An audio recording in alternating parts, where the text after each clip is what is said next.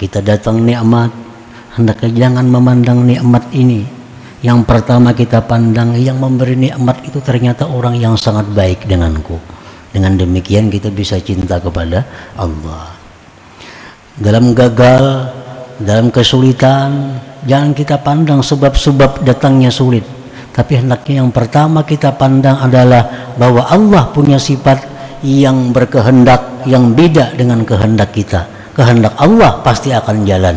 Nah dengan itu kita takut kepada Allah subhanahu wa ta'ala. Dengan takut kepada Allah ibadah kita akan bertambah. Nah jadi intinya semuanya adalah membawa kebaikan kepada kita. Bila kita bisa memahami bisa memaklumi apa yang diberikan Allah kepada kita itu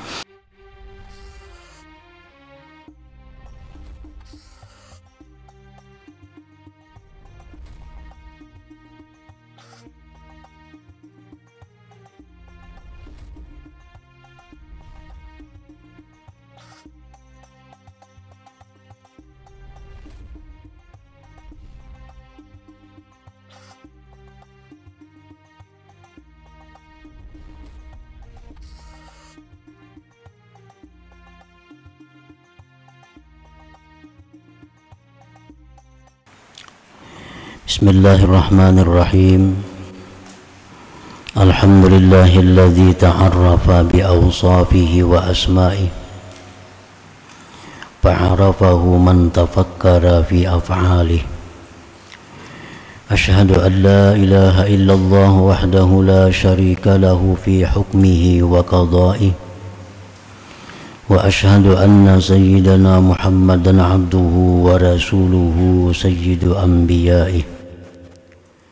صلى الله وسلم على أفضل خلفائه سيدنا محمد المتخلق بأخلاقه وعلى آله وأصحابه وذريته وأتباعه صلاة وسلاما دائمين متلازمين إلى يوم لقائه. أما بعد. Yang kita hormati dan kita cintai para habaib dan para alim ulama para muhibbin hadirin hadirat rahimakumullah. Alhamdulillah puji syukur yang setinggi-tingginya kita haturkan kehadiran Allah subhanahu wa ta'ala yang mana dengan hidayah, taufik dan inayah yang diberikan kepada kita kita pada malam ini kembali dapat berkumpul di majelis yang penuh berkah dan rahmatnya ini.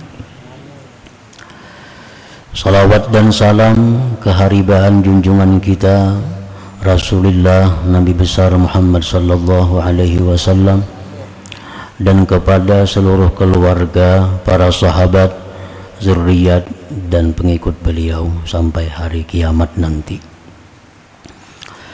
Para muhibbin rahimakumullah Al-hikmatul hadiyatu wa tis'un min al-hikamil ataiyah Qala al-imam Ahmad ibn Ata'illah Sakandari rahimahullah wa nafa'ana bi'ulumihi wa asrarih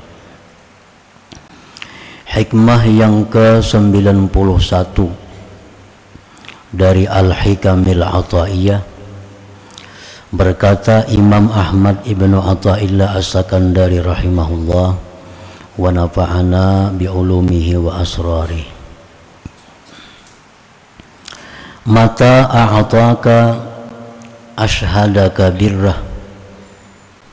Wa mata mana'aka ashhadaka qahrah fi kulli hal muta'arrifun ilaik wa muqbilun biwujudi lutfihi alaik. Yang artinya manakala Allah subhanahu wa ta'ala memberi sesuatu kepada engkau maka Allah sebenarnya mempersaksikan kepada engkau akan kebaikan Allah. Dan apabila Allah Ta'ala mencegah sesuatu daripada engkau maka Allah mempersaksikan kepada engkau akan kaharnya akan sifat memaksanya. Maka dia Allah pada tiap-tiap keadaan memperkenalkan kepada engkau dan berhadap dengan adanya kelembutannya atas engkau nah, itulah makna arti terjemah dari hikmah yang ke-91 ini. Al-ata wal man'u halatani la budda lil 'abdi ay yataqallaba bi wahidatin minhuma. Bermula al-ata Al-ata itu artinya adalah sesuatu yang diberikan Allah kepada kita yang sesuai dengan keinginan kita. Nah, itu namanya al-ata. Pemberian-pemberian Allah kepada kita yang sesuai dengan keinginan kita. Wal man'u dan mana itu artinya adalah sesuatu yang tidak sesuai dengan apa yang kita inginkan.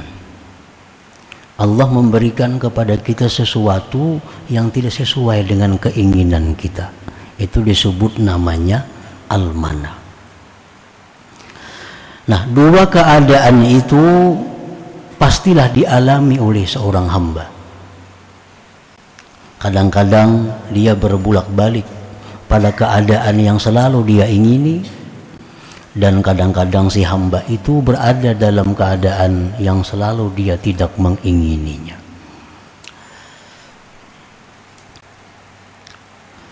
Fal ammal ata'u ammal ata'u fahuwa tawarudun ni'ami min Allah ta'ala ila al-'abdi min 'afiyatin wa salamatin wa malin markabin wa tuma'ninati balin wa ghairiha minan ni'amil lati tafidu ilaih minallahi ta'ala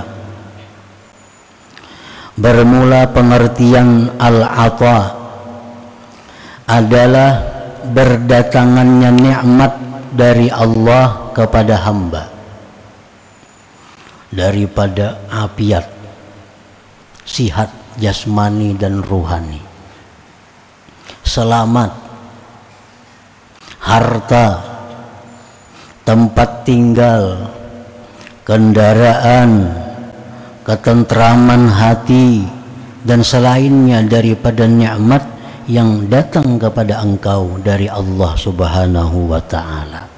Itulah disebut dengan al-ata tadi. Allah mengalirkan kepada kita nikmat-nikmatnya. Kita diberinya sihat, ruhani, jasmani, diberinya keselamatan, diberinya keamanan, diberinya harta, kendaraan, tempat tinggal, hati yang tenang, pasangan yang menyenangkan, anak yang salih dan salihah. Itu namanya adalah al-ata. Nah, fa'iza a'ataka fa'lam annahu talibuka an tashhada birrahu alaika fata'zumu mahabbatuka fi wa yazdadu syauquka ilai wa yaksuru syukruka fayazdadu na'imuka. Nah, apabila Allah Subhanahu wa taala memberikan kepada engkau al-ata tadi Allah berikan kepada kita nikmat-nikmat yang zahir dan nikmat-nikmat yang batin. Sihat walafiat diberi Tuhan, perasaan aman tentram, pasangan yang menyenangkan, anak yang bakti yang salih dan salihah, kendaraan kediaman yang bagus. Bila Allah memberikan itu kepada kita, taklam maka ketahuilah annahu talibuka bahwa Allah itu menuntut engkau antas birrahu alaik bahwa engkau pandang engkau saksikan kebaikan Allah atas engkau. Hmm. Jadi setiap kali kita menerima nikmat maka hendaklah kita lihat bukan nikmat itu yang kita lihat hendaknya kebaikan Allah kepada kita. Hmm. Kalau hendak melihat nikmat juga di belakang. Yang pertama kita lihat kebaikan Allah dulu kepada kita. Setiap nikmat yang diberikan Allah kepada kita itu Allah menuntut agar kita ini menyaksikan bahwa itu kebaikan Allah. Nah, bila mana kita bisa demikian, ada nikmat yang kita terima, kita melihat itu kebaikan Allah. Ada hal-hal yang menyenangkan yang kita terima, kita ingat bahwa itu kebaikan Allah. Nah bila mampu demikian kita laksanakan, maka besarlah cinta engkau pada Allah. Nah, akhirnya kita cinta kepada Allah. Makin banyak nikmat yang diberi Allah, makin besar cinta kita kepada Allah. Wa yazdadu syauqa ilaik dan bertambahlah rindu engkau kepada Allah Nah, makin bertambah nikmat, makin cinta, makin tambah rindu kepada Allah. Dan banyaklah syukur engkau dan bertambah lagi nikmat yang diberikan kepada engkau. Nah, para muhibbin rahimakumullah. Jadi Allah itu menyuruh kita bila kita diberinya nikmat, nah hendaklah kita pandang kebaikan Allah kepada kita supaya kita bisa mencintai Allah, bisa rindu kepada Allah. Bila kita dapat nikmat yang kita rasakan, yang kita pandang itu hanya nikmat belaka, nah kita akan cinta kepada nikmat itu. Kita akan cinta kepada nikmat itu. Dan kita selalu ingin dalam nikmat itu. Nah kalau kita pandang nikmatnya, kadang kita pandang yang memberikan nikmat itu. Padahal Allah tuh menghendaki menuntut kita bahwa nikmat-nikmat yang diberikan ini agar menambah kecintaan kita kepada Allah yang memberikan nikmat itu.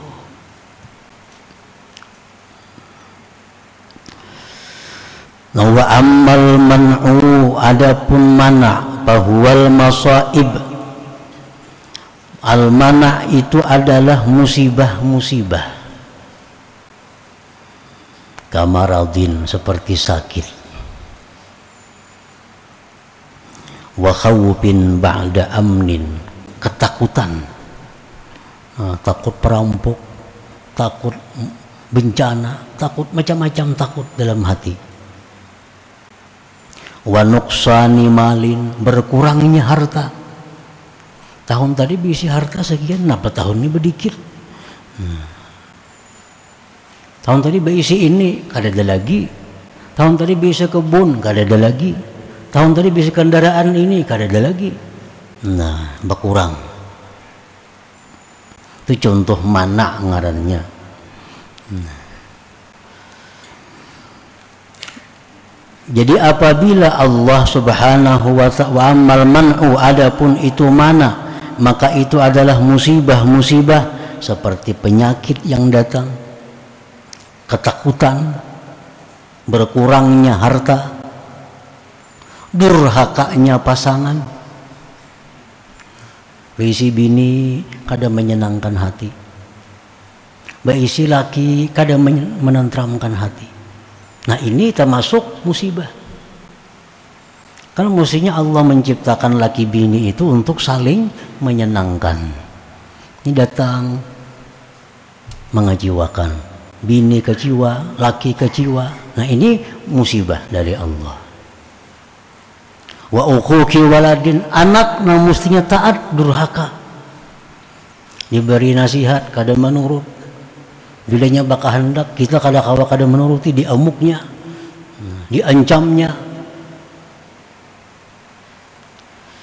Nah ini adalah bagian dari al-mana tadi.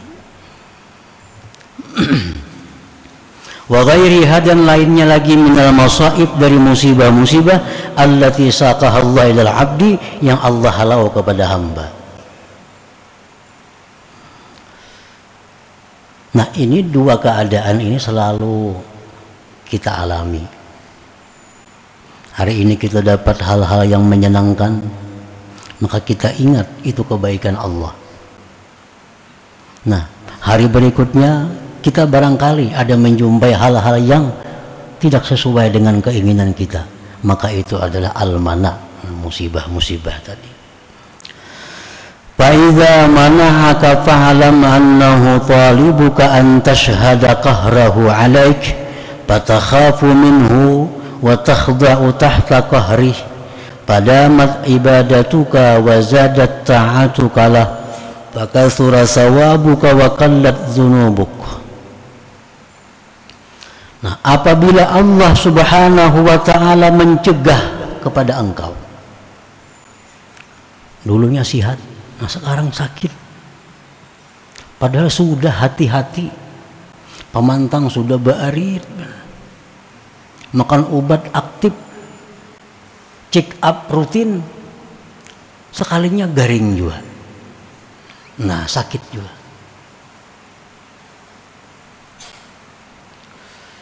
Harta yang dulunya banyak padahal sangat hemat pengeluaran ini berhitung bujur. Masuk hari ini 100 ribu pengeluaran 50 ribu aja. Bercatatnya orang nih. Sekali setahun dihitung bak pada tahun dulu. Nah pasangan yang dulu baik dulu rukun sekarang cekcok kada menyenangkan lagi.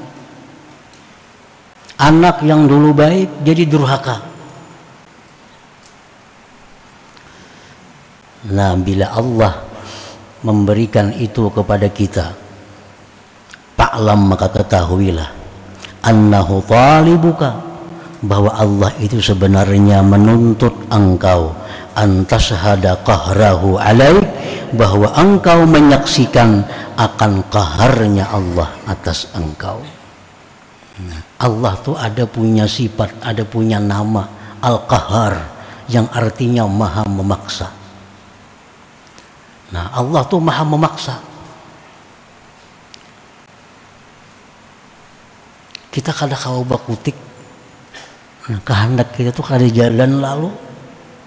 Program kita sudah bagus dirancang, gagal total kalau Allah itu menampakkan kaharnya Allah ini maha memaksa kehendak. Kehendak Allah itu selalu jadi. Nah jadi bila kita mengalami hal-hal yang tidak sesuai dengan keinginan kita maka hendaknya kita lihat bukan hal-hal yang mengecewakan itu kada perlu dicari gara-garanya Kada perlu dicari penyebabnya. Kenapa duitku bak kurang maka aku sudah himat. Kenapa aku sakit padahal aku sudah hati-hati. Kada perlu dicari itunya. Pak Allah menyuruh kita, menuntut kita bila demikian agar kita lihat itu kaharnya Allah. Nah, kaharnya Allah. Allah itu maha memaksa. Bila mana kita melihat kita menyaksikan bahwa Allah itu punya sifat yang maha memaksa maka engkau jadi takut kepada Allah. Nah jadi takut kepada Allah. Jadi tunduk di bawah paksaan Allah. Bila sudah kita takut kepada Allah maka rajinlah ibadah kita. Rajin beribadah banyak taat kepada Allah maka banyaklah pahala dan sedikitlah dosanya. Nah, itu yang dituntut oleh Allah Subhanahu wa taala. Jadi intinya apabila Allah itu selalu memberikan kepada kita yang tidak sesuai keinginan kita, nah itu artinya Allah menyuruh kita agar kita takut kepadanya. Agar takut kepadanya dan perbanyak ibadah kepada Allah Nah, itu terapinya demikian yang diberikan oleh Allah. usaha ini gagal. Berusaha macam ini rugi. Usaha macam ini ditipu orang. Nah ini jangan kada usah menyalahkan orang-orang orang itu kada perlu. Itu sudah terjadi. Hendaknya yang kita pandang adalah bahwa ini Allah Subhanahu wa taala memperlihatkan kepadaku sifat uh, memaksanya itu. Nah, dengan demikian lo takutlah kita kepada Allah. Jadi kalau kita bangkrut dari usaha yang sudah kita rancang sedemikian rupa, kita bangkrut, kita perbanyak ibadah. Nah, kita tambah lagi taat kita kepada Allah. Nah, itu jalan keluarnya. Kada perlu mencari kenapa sebabnya ini, ke mana orang kada perlu itu. Nah, dengan kita perbanyak ibadah kepada Allah, begitu kita mengalami hal-hal yang tidak menyenangkan ini, Nah, Allah akan dengan mudah membalikkan keadaan menjadi keadaan yang lapang. Nah, para muhibbin rahimakumullah. Qala ba'du syurrahil hikam متى أعطاك أشهدك بره ورحمته وكرمه؟ فعرفت بذلك أنه بر كريم رؤوف رحيم. فتتعلق بكرمه وجوده دون غيره. فتتحرر من رك التمع ويذهب عنك الغم والجزع. وتتخلق أيضا بوصف الكرم والرحمة والإحسان. فإن الله يحب أن يتخلق عبده بخلقه وفي الحديث تخلقوا بأخلاق الرحمن berkata sebagian ulama pensyarah matan hikam ini apabila Allah Subhanahu wa taala memberikan keinginan engkau. Nah, kita hidup dalam keadaan yang selalu sesuai dengan keinginan kita. Kita membuka usaha ini untung. Kita mencari jodoh, dapat jodoh yang bagus, yang menyenangkan hati. Diberi anak-anak yang saleh. Sehingga hidup kita ini kada ada gangguan. Nah, Bila Allah memberikan kepada engkau demikian, itu Allah Subhanahu wa taala mempertuntunkan kepada engkau kebaikan Allah, rahmat Allah dan kemurahan Allah.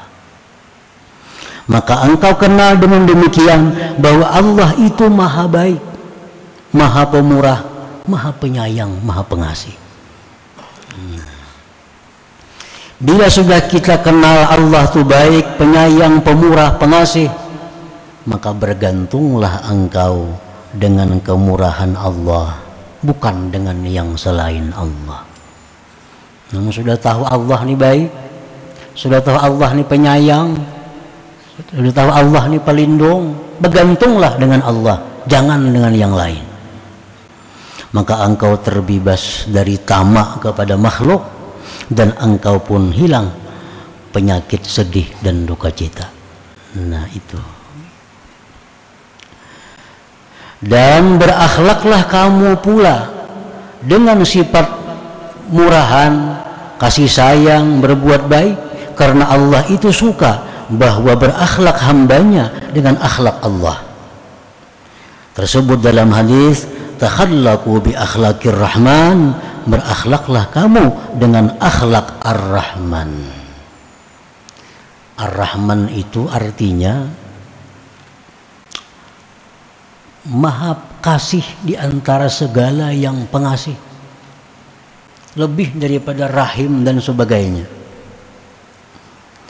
Pemaaf itu datangnya dari Ar-Rahman. Penyayang datangnya dari Ar-Rahman ini. Penyelamat datangnya dari Ar-Rahman ini. Pelindung datangnya dari Ar-Rahman ini. Pemerhati datangnya dari Ar-Rahman ini. Nah, jadi Allah menyuruh kita berakhlak dengan akhlak sebagaimana Allah menghadapi kita. Kita diberinya kesenangan, maka hendaklah akhlak kita ini menyenangkan kepada orang. Allah memberi kita perlindungan hendaknya akhlak kita ini memberikan perlindungan kepada orang Allah memberikan akhlak kepada kita sebagai penyantun, kita pun berakhlak sebagai penyantun. Nah, itu artinya Allah menuntut kita demikian dengan nikmat-nikmat yang diberikan kepada kita itu.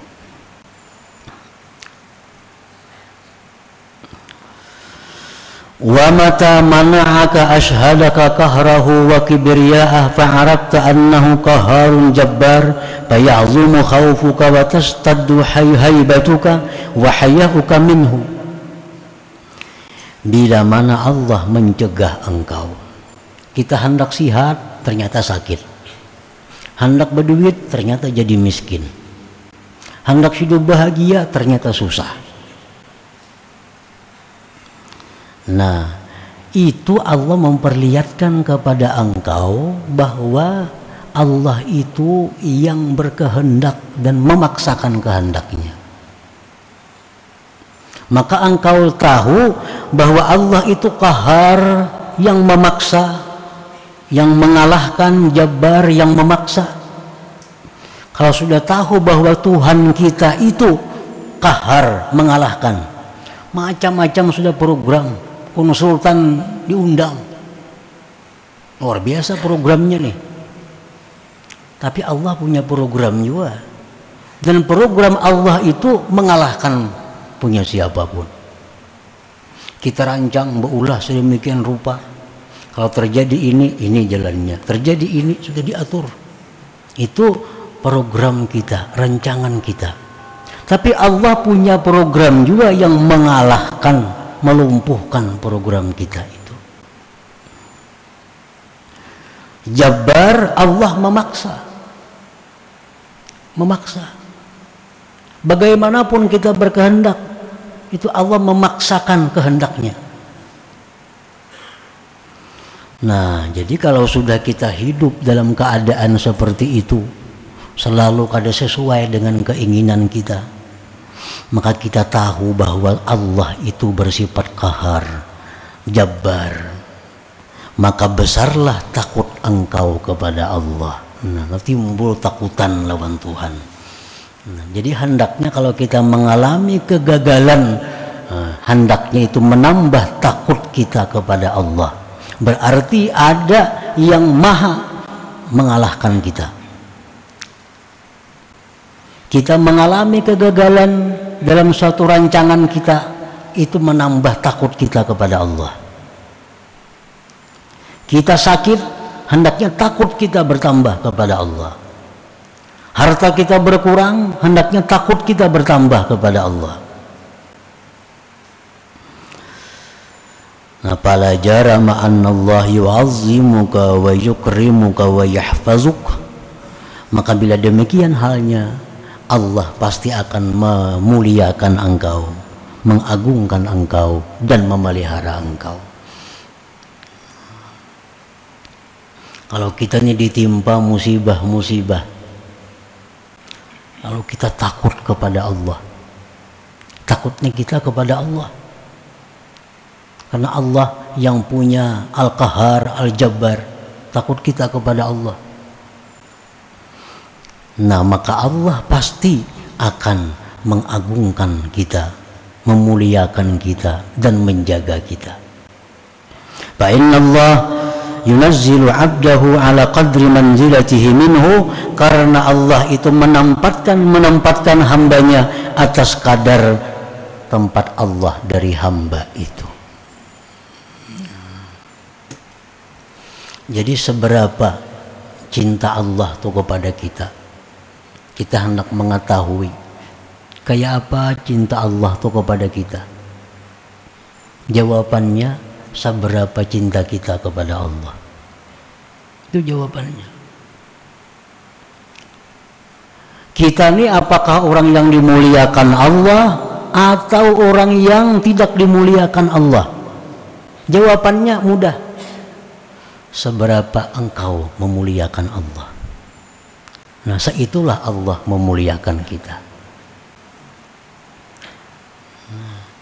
Jadi kalau kita misalnya lebih mencintai harta daripada mencintai Allah, nah begitulah Allah menilai kita. Kalau kita lebih mencintai anak istri daripada Allah, demikianlah kedudukan kita di sisi Allah. Nah, fa inna Allah yunazzilu 'abdahu ala qadri manzilatihi minhu. Allah itu menempatkan hambanya atas kadar tempat Allah dari hamba. Nah, kalau kita ini selalu Allah, orang yang paling kita cintai adalah Allah. Berarti Allah pun sangat cinta kepada kita. Kalau kita orang yang paling memelihara undang-undang Allah, Allah pun akan sangat memelihara apa-apa yang diberikannya kepada kita.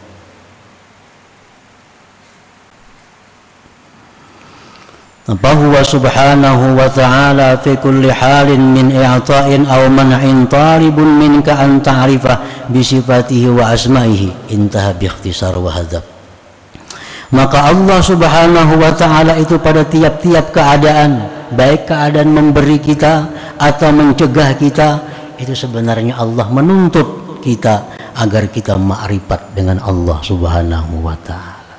Nah, sebenarnya intinya itu. Allah memberi kita macam-macam kenikmatan. Hendaknya itu dijadikan alat untuk bisa ma'rifatullah. Allah memberikan kita berbagai macam kesusahan. Hendak itu dijadikan alat untuk ma'rifatullah mengenal Allah Ta'ala. Karena Allah itu bisa dikenal melalui jalur jalur sifat-sifat keelokannya penyayang, pengasih, pengampun dan Allah itu bisa dikenal melalui jalur sifat-sifat keagungannya seperti maha mengalahkan, maha memaksa, maha menghinakan dan lain-lainnya Nah, setiap apa yang diperbuat Allah kepada kita, baik yang sesuai dengan keinginan kita atau yang tidak sesuai dengan keinginan kita, intinya hanya satu. Allah mengingini kita ini mengenalnya. Allah mengingini agar kita ini makrifat kepadanya. Jadi itulah sebenarnya apa yang dilakukan Allah kepada kita. Hanya satu yang Allah tuntut kepada kita agar kita makrifat dengannya. Nah, kita datang nikmat, hendaknya jangan memandang nikmat ini. Yang pertama kita pandang yang memberi nikmat itu ternyata orang yang sangat baik denganku. Dengan demikian kita bisa cinta kepada Allah. Dalam gagal, dalam kesulitan, jangan kita pandang sebab-sebab datangnya sulit.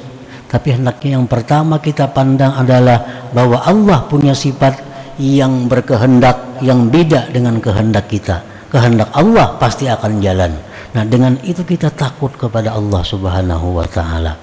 Dengan takut kepada Allah, ibadah kita akan bertambah.